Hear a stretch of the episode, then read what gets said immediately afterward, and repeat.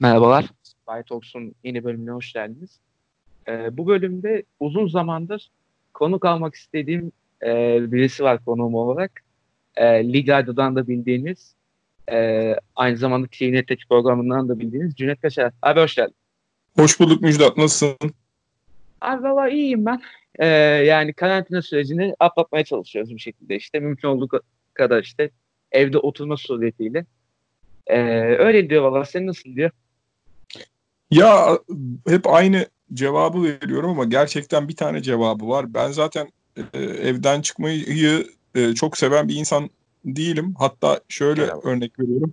Dışa dönük antisosyallik var bende. Yani böyle seçici sosyallik. Zaten yeteri kadar arkadaşım falan var diyerekten çok böyle e, mecbur kalmadıkça sokağa çıkmayı sevmeyen, evde müzik e, dinleyip işte e, kitap okuyup film ve e, spor izlemeyi seven biriydim. Sporu çıkarınca daha fazla e, filme e, ağırlık verdim o kadar.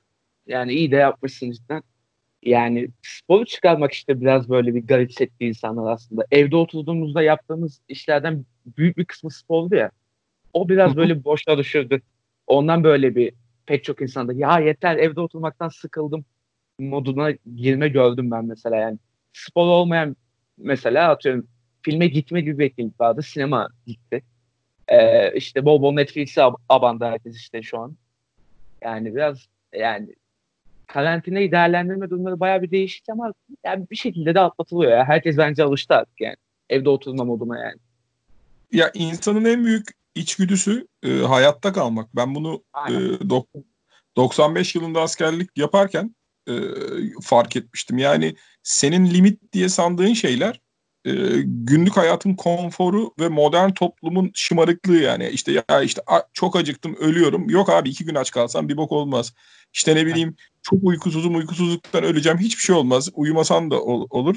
Ya işte evde ben oturamam e, deliririm delirmezsin abi. Yani hayat hayat sana öğretiyor. Kesinlikle öyle yani. Dediğin gibi en yüksek e, duygumuz yani en yüksek içgüdümüz survive olması lazım. Yani. yani hayatta kalmak aslında tek yani en büyük içgüdü herhalde bu. O doğru. Ee, Tabii hayvani içgüdümüz yani o çünkü şey programlanmış zaten senin sen, sen farkında bile değilsin yani hayatta kalmaya programlanmış beyin ve her türlü uyum sağlıyor. Kesinlikle. Valla ben şuradan gireceğim o zaman. Yavaştan konuyu açmaya başlıyorum. Şu an radyo programların devam ediyor senin abi ve e, programlar nasıl devam ediyor acaba? Evden mi devam ettiriyorsun yoksa bir gidiş geliş durum var mı?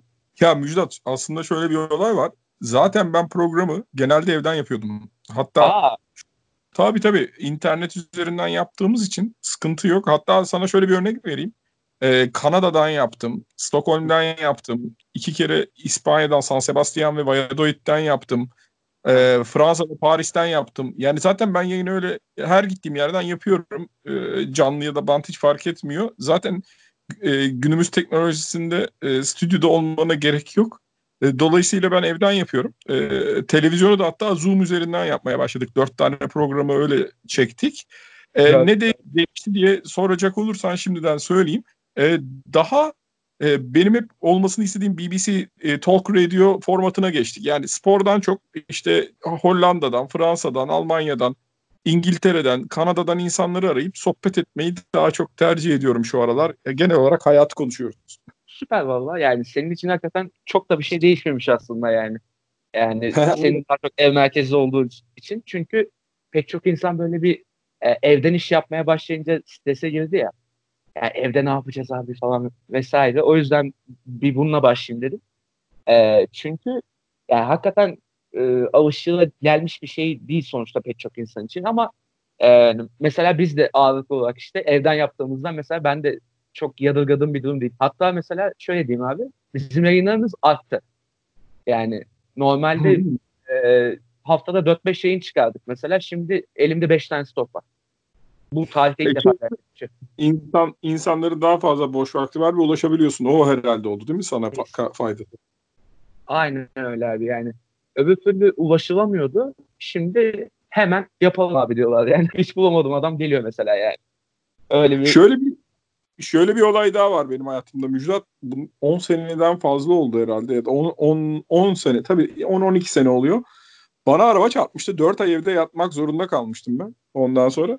O dönemden de böyle bir şeyim var aslında. E, tecrübem var. Ben o zaman da sıkılmamıştım ki ayağım alçıdaydı yani. Hani öyle bir şey vardı. Kısıtlayıcılık durumu vardı. Abi. O yüzden ben anlamda e, sıkıntı yok. Beni sadece ilgilendiren diğer insanlar da evde. Siz çıkın abi dışarıya. Siz evde oturunca sıkılıyorsunuz. O bizi bizim de ruhumuzu sıkıyorsunuz. Sıkmayın yani. o doğru. Hakikaten insanın ruhunu sıkanlar çok o konuda ya. Yani ya evdeyiz, şuyuz, buyuz. Ya bir dur bir geçsin hastalık işte bir dur ya. Sakin. Yani o konuda haklısın abi ne diyeyim. Şunu soracağım bir de. Yani radyo e, uzun süredir senin hayatında var. Yani 10 yıldan fazladır sanırsam yapıyorsun bu işi. Hatta şöyle söyleyeyim sana ben 1994 yılının Kasım ayında Kent FM'de başladım radyoda program yapmaya. Kesintiler var tabii ki arada ama hani ilk başladığım günü e, şey yaparsak e, 26 sene olmuş yani. Wow. Valla kötü bir şey söyleyeceğim abi biraz canını sıkacağım. Ee, ben 94 Kasım'ında yoktum. Ka- kaç yıl oldu? 94 Aralık doğumluyum ben abi. Ha süper süper süper. Bir ayda. Süper. Ya şöyle e, ben böyle farazi bir tahmin yaptım 10 yıldan fazladır diye. Çünkü benim sizin programı dinleme sürem en az bir 6-7 yıl. Oradan tahminle biraz çıkarmaya. Tam tarihi bilmiyordum. Ee, Şöyle ben... senin söylediğin dönem yani Lig Radyo döneminden bahsediyorsun sen. 2011 Eylül ayında başladım Lig Radyo'ya. 2012'nin e, Ağustos'undan itibaren de e, 18-20 arası gol yolları e, sürekli bende. Yani 2011'de Lig Radyo'ya başlamışım. 2012'den itibaren de full e, çalışıyorum. Ee, peki şuradan bağlayacağım ben. Böyle bir giriş yaptım. Biraz saçma bir yere odaklamış olduk. Ee, bu radyo sürecinde peki yani spor alanında yani spor alanında bir üretim varken yani bu üretimi yaparken e, senin en çok zorlandığın etkenler mesela yayında futbolun çeşitli bölümlerinden atıyorum yani bir kulübün yöneticisi vesaire böyle bir e, baskı altına alma girişimlerinde bulunuldu mu mesela böyle bir? Yok ya bak o konuda e, yeri gelmişken yani bunu sık sık söylerim. Mehmet Ayan'la çalışmaktan dolayı çok mutluyum. Çünkü Mehmet Ayan bu konuda asla öyle şeyleri yoktur yani e, senin hakaret ya da e, yasa dışı bir şey söylemediğin sürece e, fikirlerinle ilgili hiçbir şeyine o karışmaz. E, onun dışında da benim şansım şu Müjdat ben muhabir değilim. Muhabirlerin işi çok zor yani muhabirler kulüplerle çok iç içeler. Ben yorumcuyum yani ben Lig Radyo'da sonuçta olan haberleri yorumluyorum. Ha tabii ki TSE üyesi olduğum için bütün maçlara gidebiliyorum. Basın toplantılarına girebiliyorum. Basın toplantılarına girdiğim için de muhabirlerle karıştırıyorlar beni. Benim öyle bir şeyim olmadığı için e, bir sorun olmadı. Bugüne kadar e, en bu konuyla ilgili verebileceğim örnek şeydir. Bir advokat geldiğinde dik advokat onun basın toplantısında demiştim ki e, şeyi Pereira'yı 3-5-2 oynatıyor diye e, yolladılar. Size de böyle bir e, şeyde bulunurlarsa ne yaparsınız demiştim. E, sayın e, Şekip oldu o zaman şey dedi ben cevap vereceğim buna dedi işte sen dedi futbol haklı futbol haklı diyorsun göreceksin bu sene şampiyon olacağız falan dedi. Olmadı maalesef. Yani bir tek öyle bir şeyim vardır yani aklıma gelen. Onun dışında Aziz Yıldırım'a da şeyi sormuştum. Kızdırmasınlar beni 10 yıl gitmem demişti. Ben de kızdırmazlarsa ne zaman gidersiniz başkanım diye sormuştum. Yani kimseyle öyle bir sorunum olmadı şu ana kadar. Vallahi zaten Fenerbahçe'nin o, o dönemki yönetimi e, malumun yani e, böyle absürt çıkışlarıyla da meşhurdu. Ee, yani ben de Fenerbahçeli olduğum için böyle rahat rahat söyleyebiliyorum. Peki sana şeyi soracağım. Ee, bu radyo kısmından e, ayrı tutarak şunu soracağım. Basın toplantısı demiştin ya. Bu kendini çelik olarak tanıttığın basın toplantısı hangisiydi? Robin Van Persie. Ya o onun, onun hikayesi şöyle e, Müjdat. E, şimdi ben 2009 ya da 2010 yılında girdim galiba Twitter'a. O, o zaman yani Lig Radyo'da değildim o zaman yani. Ee, ya şimdi şöyle da ya birazcık uzun biraz uzun anlatacağım. Ben hayatım totemlerle geçen bir adamım ben ondan sonra ve totemlerde tutuyordu ve e, inanıyoruz da bunlara. O dönemlerde böyle çeşitli totemler deniyoruz vesaire. Fener 2011 şampiyon oldu. Üstüne de e, tam şey dönemini düşün. E, ne derler? O UEFA kupası dönemi ben ne desem tersi çıkıyor tamam mı?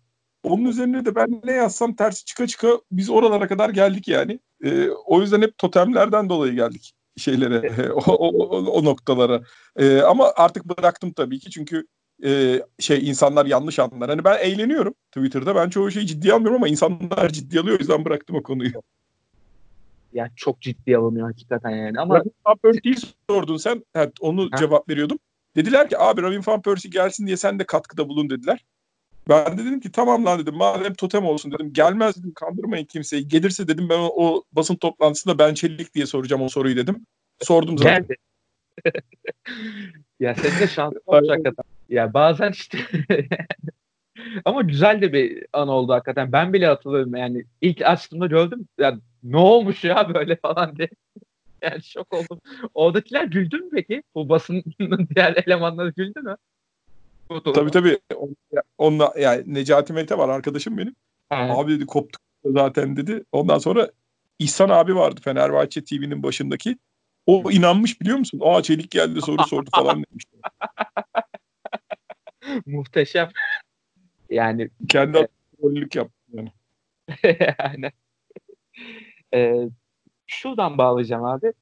Fenerbahçeli yani Fenerbahçe üzerinden gidiyor tabii birçok muhabbet. Çünkü yani e, aslında senin de biliniyor yani Fenerbahçeli oldun. Peki hep böyle bir anlayış var ya ben de aslında biraz da e, böyle bir durum olduğundan da yana gibiyim de sanki yani biraz böyle çok da katılmadığım noktalar olsa bile e, spor medyasının Fenerbahçe kısmını sen nasıl eleştirebilirsin mesela? Yani pek çok eleştirecek noktası varmış gibi geliyor bana. Yani genel olarak yani çok kabaca anlatmak gerekirse nasıl eleştirirsin mesela? Ya Müjdat bu olaya özneyi Fenerbahçe olmaktan çıkartalım. Ülkedeki erozyon olarak bakalım. Yani kültürel erozyon o kadar büyük ki spor medyası da öyle. Ben mesela Lig Radyo'da çok fazla e, genç arkadaşı yayın al- alıyorum. Ve ben şuna inanıyorum. Twitter'da da e, gördüğüm insanlar var. Bunlardan biri de sensin. Senin yaptığın tespitleri e, yani o televizyonda, radyoda ya da gazetede gördüğün adamların çoğu senin yaptığın tespitlerden farklı bir şey yapmıyor zaten. Ama o kadar büyük erozyon var, o kadar e, gazeteler kapanıyor, televizyonlar kapanıyor, radyolar kapanıyor ve o yüzden de kalite o kadar düşmüş durumda ki bu spor medyasını da böyle yansıyor. Yani e, ben şuna çok inanırım. E, medyada gördüğüm bir insan ben çocukken böyleydi yani şeyde saygı duymam lazım. Abi adam çok kültürlü. Adam zaten işte bilmem ne yapıyor, ne ediyor demek lazım. O o makas çok kapandı. Yani şu an herkes televizyona çıkabiliyor. Herkes gazetede yazabiliyor. Herkes radyoda yazabiliyor ve emin ol bence orada çalışmayanların birçoğu daha kaliteli. Yani e, asıl sıkıntı bu. Yani bak Fenerbahçe olmaktan çıkartalım bunu. Yani bir de mesela şey çok saçma. Fenerbahçe'yi tutanları Fenerbahçe muhabiri yapıyorlar. Galatasaray'ı tutanları Galatasaray muhabiri yapıyorlar. Toplumda da şöyle bir beklenti oluyor.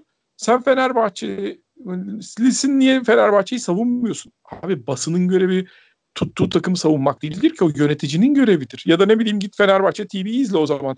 Basının görevi haberi tarafsız olarak ulaştırmaktır. Yani bir bir muhabirin görevi Fenerbahçe'nin e, Fenerbahçe'yi savunmak değildir. Bence hastalıklı olan e, şey bu. Ama buna dönmüş durumda. Yani bakıyorsun muhabirlere falan adam taraftarlardan daha fanatik ya da ben mesela vermeyeyim. E, bazı muhabirlere falan şey diyorum. Öyle aptalca tweetler oluyor ki bakıyorsun böyle yani o kadar fanatikçe aptalcayı değiştiriyorum. O kadar fanatikçe tweetler atıyorlar ki. Abi niye böyle bir şey yazıyorsun yani çok saçma. Yani seni ifade eden şey bu mu? Etkileşim almak için yazıyorum diyorlar. Ben inanamamıştım buna. Ben hayatta öyle şeyler yapmadığım için ya ben kendim olman bana az daha taviz vermek istemediğim için ama senin sorunun cevabı evet çok büyük bir erozyon var. Çok büyük kalitesizlik var. Ee, ben, ben kendimi de dahil ediyorum bunun içine. Ben ben çok kaliteliyim diğerleri kalitesiz demiyorum. Lütfen o yanlış anlaşılmasın yani ama çok büyük sıkıntı var. Yani ya benim de gözlemlediğim yani dışarıdan bir gözle baktığımda hakikaten bu çok göze çarpıyordu. O yüzden sormak istedim abi. Çünkü yani dediğin gibi işte etkileşim almak için tweet atılmalar vesaire yani bir yani senin de dediğin gibi yani bir muhabirin, bir yorumcunun vesaire bu işi olmaması lazım. Yani işini yapması lazım. Bak daha komik bir şey söyleyeyim mi? Ee, duyum duyumculuk tamam çok keyifli bir şey. Hani du, duyumcular var ondan sonra ama hani duyumculuk şeyi geçmiş durumda. Muhabirliğin üzerine geçmiş durumda. Ve adamlar hani search edip işte copy paste yapıyor ya da yabancı bir şeyi alıyor oraya koyuyor ve bakıyorsun çok büyük itibar görüyor. Ya bu bu bu artık e, şey derler ya hani şekille içerik arasında bir fark vardır. Şekil içeriği geçti yani şu an. O çok yani, büyük sıkıntı. Yani pek çok noktada bu ülkede şekil içeriği geçti belki ama sporda çok belli olmaya başladı. Ya çok ayyuka çıktı ya bu durum. Yani şunu gördük mesela isim vermeden söyleyeyim. Spordaki bir şahsın futbolcuyla mentionlaşıp kendini sakat olup olmadığına ikna etme seviyesine geldi iş yani. Orada şey Yağız'ın şeyi o hani açık açık söyleyebiliriz Aynen. çocuk şey yapmıştı. Yağız haklı çıktı galiba burada yalnız adam oynayamıyor değil mi? oynayamıyor. Ama çok komik ya yani. Futbolcuyla mentionlaşmak çok komikti yani. Ben yani hakaret olarak algını diye şey yapmadım isim vermedim ama ya çok komik bir durum hakikaten ya. Yani açıklanacak bir şey değil o yani. Futbolcunun bulup ben sakat değilim diye yorum atması. Neyse. Tabii tabii. Ya bence o, bence orada sürreel olan senin dediğin gibi futbolcunun ona tweet atması yani. Orada hani eğer sakat değilsen iftira diye dava açarsın falan vesaire yani. Ya çok ben sana bir şey söyleyeyim mi? Ee, dünya öyle bir hale geldi ki hani ben şaşırma içgüdümü kaybettim. Artık hiçbir şeye şaşırmıyorum. Yani ne desen kabul ederim. Ben de öyle. Yani gördüğüm hiçbir şey artık şaşırmıyorum. Ben de buz kestim yani. Her, her bakma aa olur olur falan diye devam ediyorum. Çünkü ne kadar kötülükte de ne kadar saçmalıkla alıştırdılarsa bizi artık yani bak kas katı kesilmişiz yani. O doğru. Yüzde yüz. Ee, Peki ben bir de şuradan da devam edeyim. Yani spor medyasındaki bu yani tatsız durumlardan bahsettik. Yani hem Fenerbahçe hem diğer kulüpler için vesaire. Sen mesela abi işini yaparken yani bu e, tatsızlıklardan arındığı, arındığını hissediyor musun mesela yani? Ben en azından yapıyorum diyor musun yani? Ben bildiğimi yapıyorum diyebiliyor musun? Biraz belki özel bir ee, Ben sana şöyle söyleyeyim. Ee, benim bir e, hiç rating kaygım yok. Yani e, ikincisi de e, ne de e, ben ne düşünüyorsam hep onu sö- söyledim. E, bir bir şey olmak gibi bir kaygım da yok ya. Yani e, geçen yazdım ya Twitter'a insanoğlunun en e, yani Maslow'un o e, hiyerarşisinde e, ihtiyaçlar hiyerarşisindeki ilk baştaki yemek içmekten bile önce gelen içgüdüsü onaylanmak galiba. Ben bunu işte 50 yaşındayım. 30 yaşından sonra falan fark edince dedim ki ya ben hani insanlar onaylasınlar diye yapmayacağım hiçbir şey ya. Yani neyin doğru olduğunu inanıyorsam onu yapacağım. Bundan dolayı yalnız da kalabilirsin, ötekileştirilebilirsin de bu çok önemli değil. Yani çünkü en azından acı çekmezsin diye düşündüm. O ben ne düşünüyorsam onu söylemeye çalışıyorum ve hata da yapıyorum. Mesela ben hatalarımdan da öğrenmeye çalışıyorum. Sıfat kullanmamak lazım bir şeyi anlatırken. Yani ins- e, bazen gaza geliyorsun hani televizyonda radyoda böyle gaza gelmeyeceksin. Mümkün olduğu kadar düşüncelerini şey net bir şekilde anlatacaksın. Ben de bazen böyle sıfat kullandığım oldu. Sonra kendime kızdım. Niye sıfat kullanıyorsun ya? Adam gibi anlat işte ne düşünüyorsan diye. O yüzden hani dışında kalmaya gayret ediyorum. Tabii bunu insanlar değerlendirecek. Benim ne düşündüğüm önemli değil. Ya ben seni bu durumun dışında gördüğümden de biraz da bu şeyi sordum Çünkü yani hakikaten senin programını dinlediğimde yani o şey düşüncesini alıyorum yani. Ee, adam kendi bildiğini yapıyor. Tamam güzel yani. İstediğini yapıyor. istediği insanla konuşuyor yani.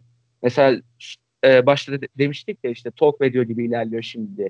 Orada mesela yani e, kimsenin bilmediği insanlar yani atıyorum merkez medyada kimsenin bilmediği insanlar şans buluyor mesela. Bu da bir yani hakikaten kendini kendi bildiğini, iyi bildiğini yapmaktır mesela benim gözümde.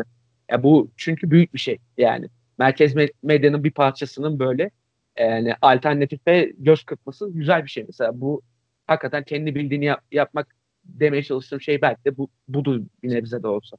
Yani o yüzden ya şöyle, de... herkese bir noktada biri şans verdiği için bir yerlere geliyor yani. Eğer kimse kimseye şans vermezse hep aynı adamlarla giderse hiç kimse giremez ki. Ama herkesin bu piyasaya dahil olduğu bir an var. Ben de o yüzden yani ben hep söylüyorum herkese ben elimde kadar geldiği kadar şans veririm. Sonrası o kişinin hem kısmeti hem de kendi kendini belirleyeceği bir durumdur. Aynen. Ee, peki ben bir de şuradan sonra biraz da kendimden bir soru sorayım.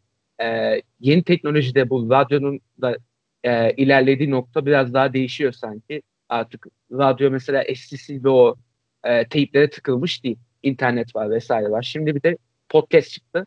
Ee, sence bu yeni teknoloji radyoyu nasıl ilerletecek? Yani podcast'in dahil olması vesaire. Ya şimdi radyonun şöyle bir tarafı var. Benim gördüğüm kadarıyla radyonun e, arabalar en büyük şeyi e, e, şu anda arabada dinliyor insanlar. Özellikle de işte işe giderken ve iş dönüşü olan saatlerde e, ra, trafikte radyoyu açıyor insanlar e, ve e, o noktada da e, senin söylediğin e, podcast ve e, internet ra- radyolar sanıyorum yeni nesilde yakında o karasal yayının yerini tamamen internet yayını alacak ve o zaman da tamamen senin söylediğin gibi e, çok fazla şey alternatif oluyor. Eskiden şey yoktu yani diyelim sadece TRT vardı. İşte 2-3 tane radyo vardı. Sonra şimdi yüzlerce ra- radyo var. Bir noktadan sonra da radyoların dışında da çok fazla seçenek artacak. Mesela bizim Meta Unduklar'ın standart FM var. Biz orada da sinema programı yapıyoruz arkadaşlar ama tamamen yani şey amatörce yani sohbet anlamında yapıyoruz bunu. Senin dediğin gibi inanılmaz çok seçenek var ama hala şunu söyleyebilirim Müjdat şey e, alışkanlığı devam ediyor. O karasal yayındaki radyoyu dinleme alışkanlığı devam ediyor ama ben 10 sene sonra falan e, radyo yine devam eder ama e, senin az önce sorduğun soruya istinaden podcast dinlemek e, ve internet radyo dinlemek daha e, yaygın olur diye düşünüyorum. Yani böyle bizim ben şu anda Lig Radyo'dayım. Ama o, Lig Radyo o zaman da olur ama e, karasal yayından çok belki full internet olur. Yani çünkü günümüzde her şey internet üzerinden yürüyor ve daha da o öyle olacak diye düşünüyorum. Yani belki de öyle yani hakikaten yani internetin e, artık her şeyin ön planına geçtiği bir dünyadayız zaten. Hem e, radyoda dedik işte hem sporda hem sinemada hem e, artık tiyatroda bile Genco Erkal oyunlarını yüklüyor şeye YouTube'a. Yani bugünleri göreceğim benim aklıma Çok büyük saygı duymak lazım hakikaten öyle.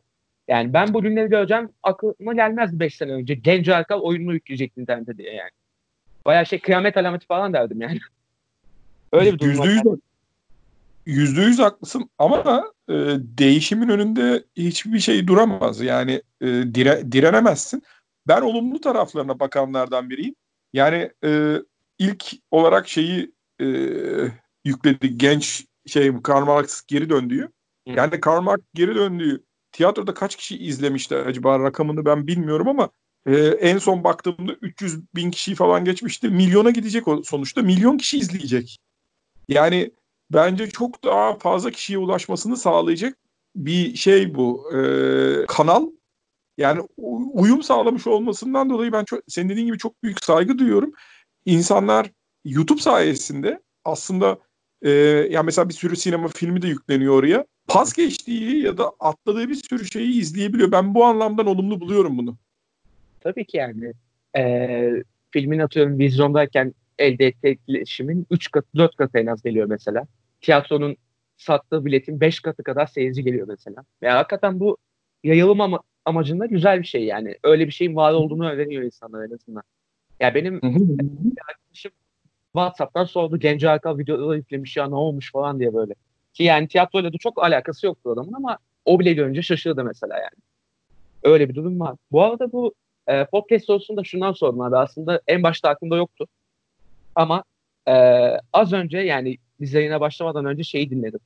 E, Sabah İtman'da podcast olarak başlamış. E, Erkek Tümer ve İlker Doğulu abiler güzel bir pilot podcast'i yapmışlar. Oradan aklıma geldi. Yani onlar da podcast'leri için dedim radyoda böyle bir durum olacak sanki yani böyle bir duruma doğru gidiyoruz sanki o yüzden bir sorayım dedim abi.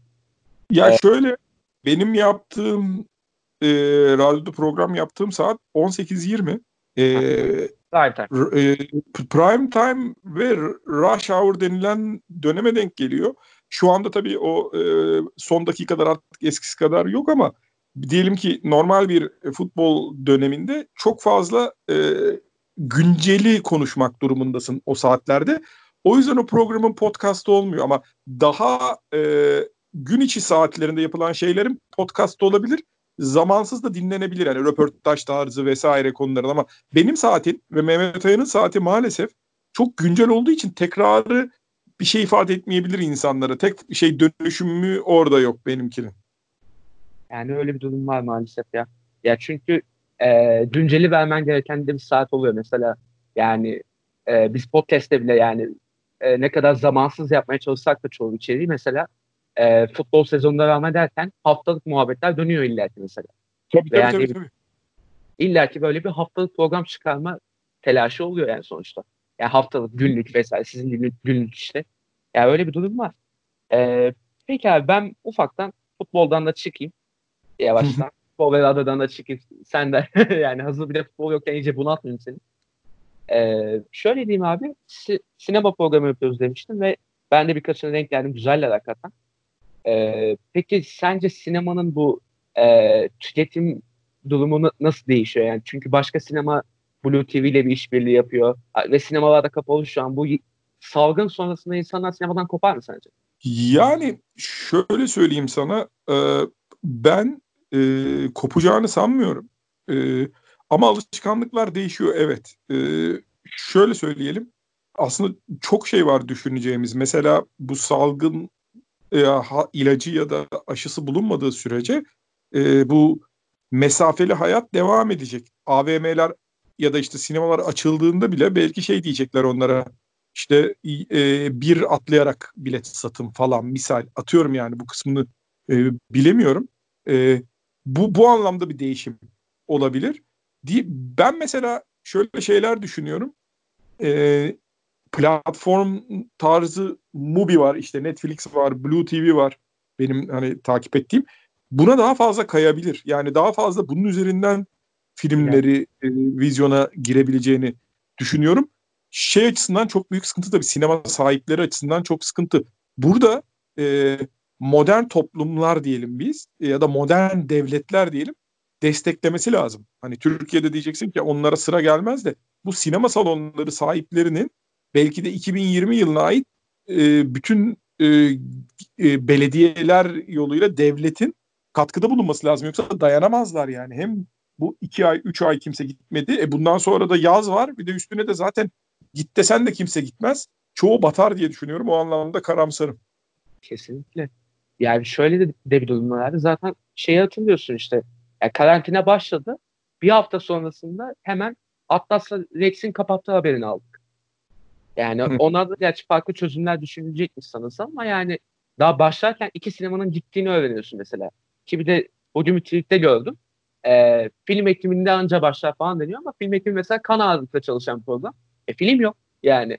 Aslında baya böyle şey e, sinemaların sonbaharda falan anca e, toparlayabileceği bir süreçteyiz mesela. Böyle de bir tatsız bir durum var yani. Müstakil sinemalar bu konuda çok yer alacak mesela. Yani e, şu anda bile pek çok konu konuşuluyor işte. Yani yardım yapılır mı, nasıl yapılır vesaire, nasıl toparlanacak bu düzen diye. Çünkü bir çözümü yok. Hakikaten yani şu an e, önlerine sunulan bir çözüm yok ve onlar da tartışmaktan başka bir şey yapamıyorlar yani. Öyle bir tatsız bir durum var. E, Söyledin. Sesler de durdu değil mi? Doğru söylüyorsun yani. Filmler de çekilmiyor.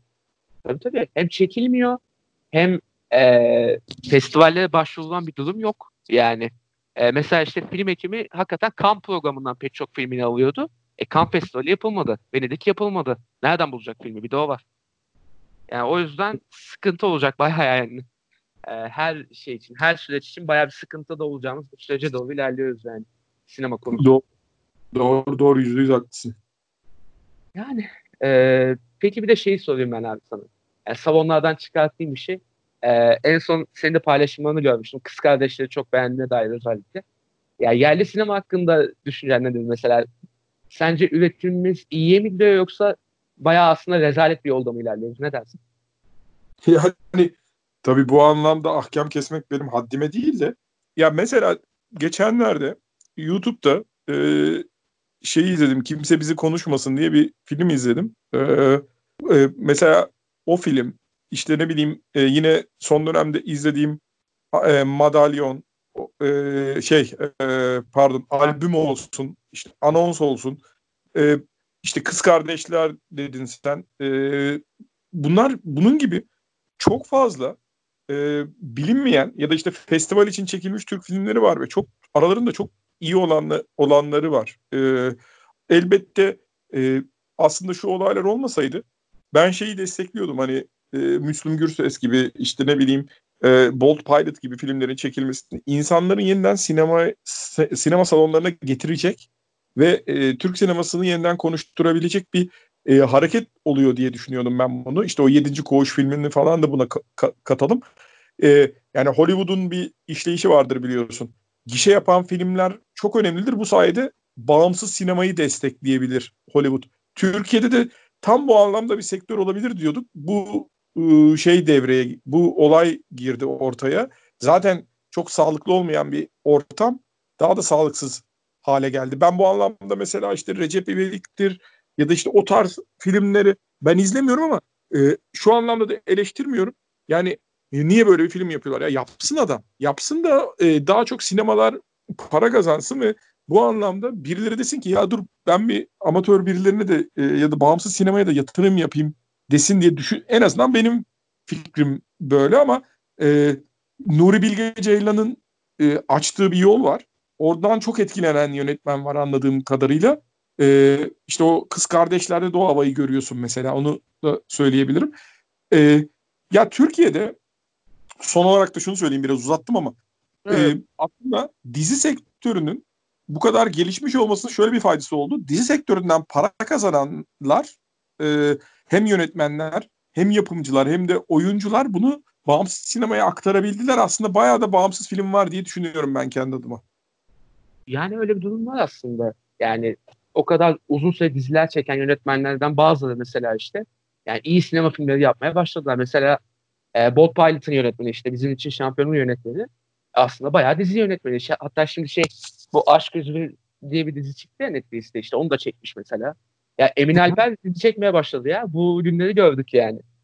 Yani Alef aslında, değil mi? Alef aynen. Yani hakikaten bence güzel de bir iş olarak ilerliyor. Bir yani Türk dizilerinde gö- gördüğümüz belki en iyi yönetmenlik sergileniyor şu an. Ya o filmde ben, ya o dizide bence yani çok acayip bir noktaya gidiyor bence. Yani ya böyle bir sektörün hibritleşmesi durumu biraz kurtaracak sanki. Çünkü çok ayrıksıydı son zamana Tabii. kadar.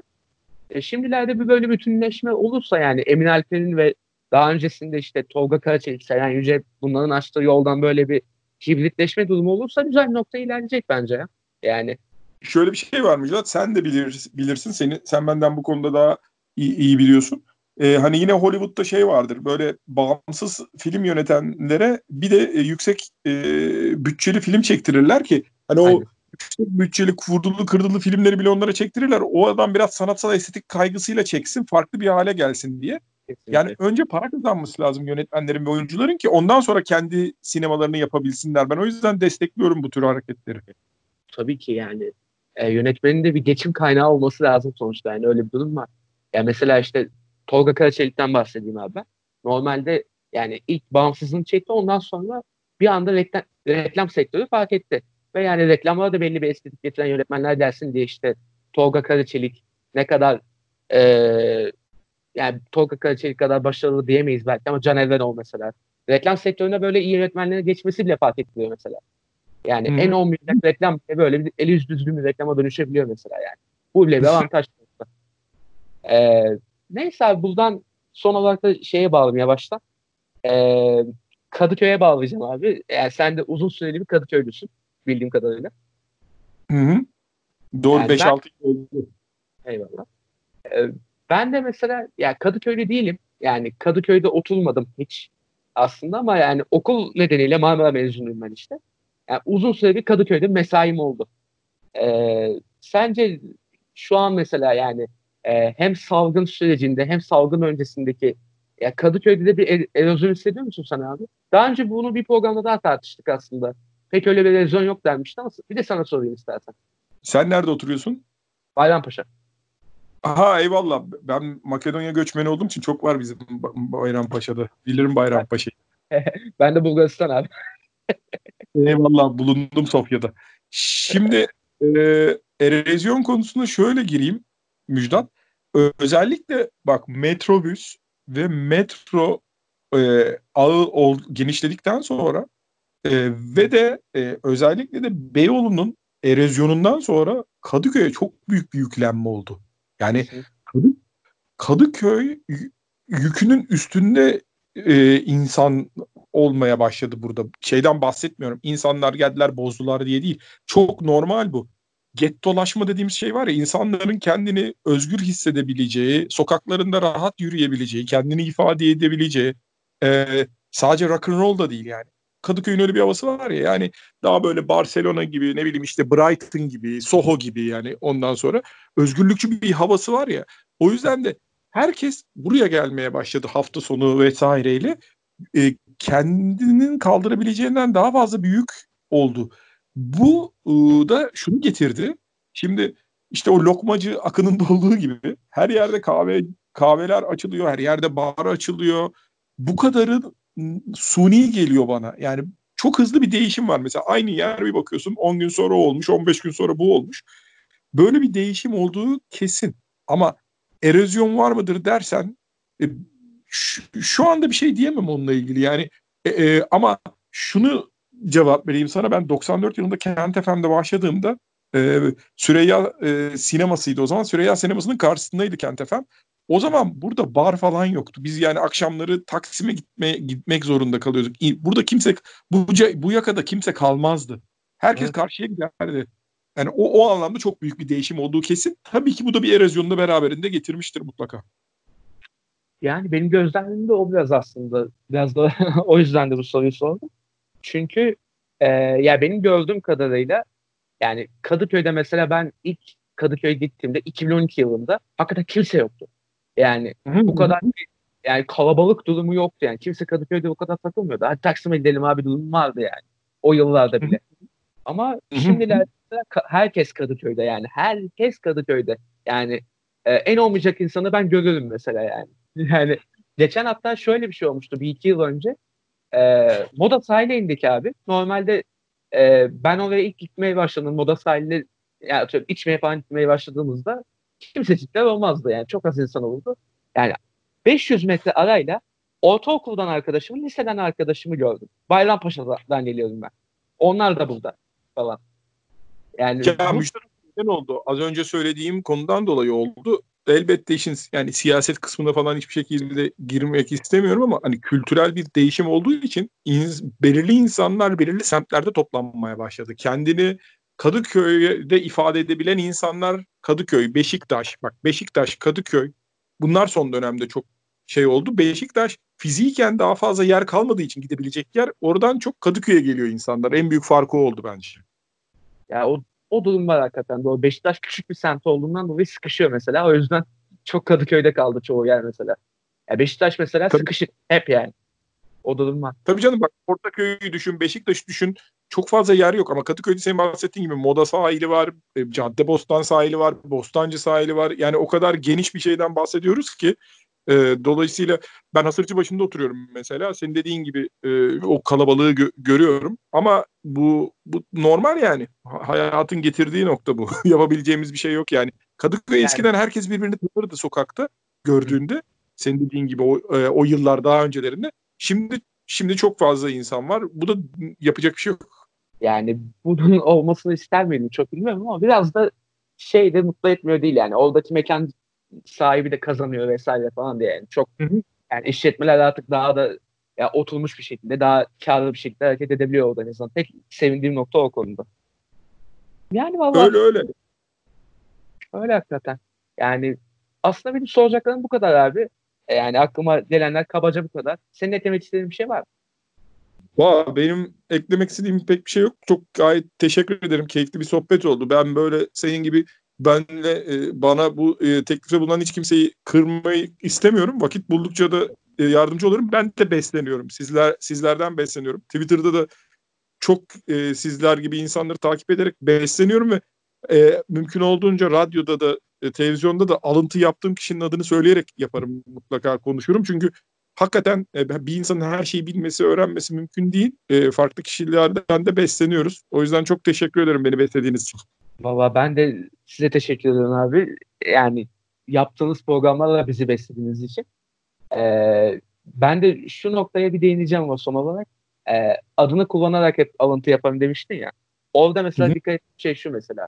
E, programa konuk aldığım birisi olduğunda hep mesela yani e, bir nevi böyle yani birkaç cümlede bir o programa konuk olan insanın ismini de zikrediyorsun ya mesela. Hakikaten o yani zihinlere yerleşmesini sağlıyor bence ve bence bu çok güzel bir şey. Yani iyi ki de bunu yapıyorsun yani. O konuda da teşekkür ederim sana. Eyvallah Müjdat. Sen, sen, seni de alacağız artık yayına bundan sonra. İnşallah artık. Yani çok mesela futbol konuşmayı beceremem belki ama sinema konuşuyorum. Yani. Sinema olduğum konu gelin. Tamam, tamam. o zaman bu karantina günlerinde illa bir gün gol yollarında sinema konuşuruz seninle. Tamamdır. Teşekkür ederim ben de abi. Ee, o zaman ben Byte Talks'un bu yayını kapatayım. Önümüzdeki yayınlarda görüşmek üzere.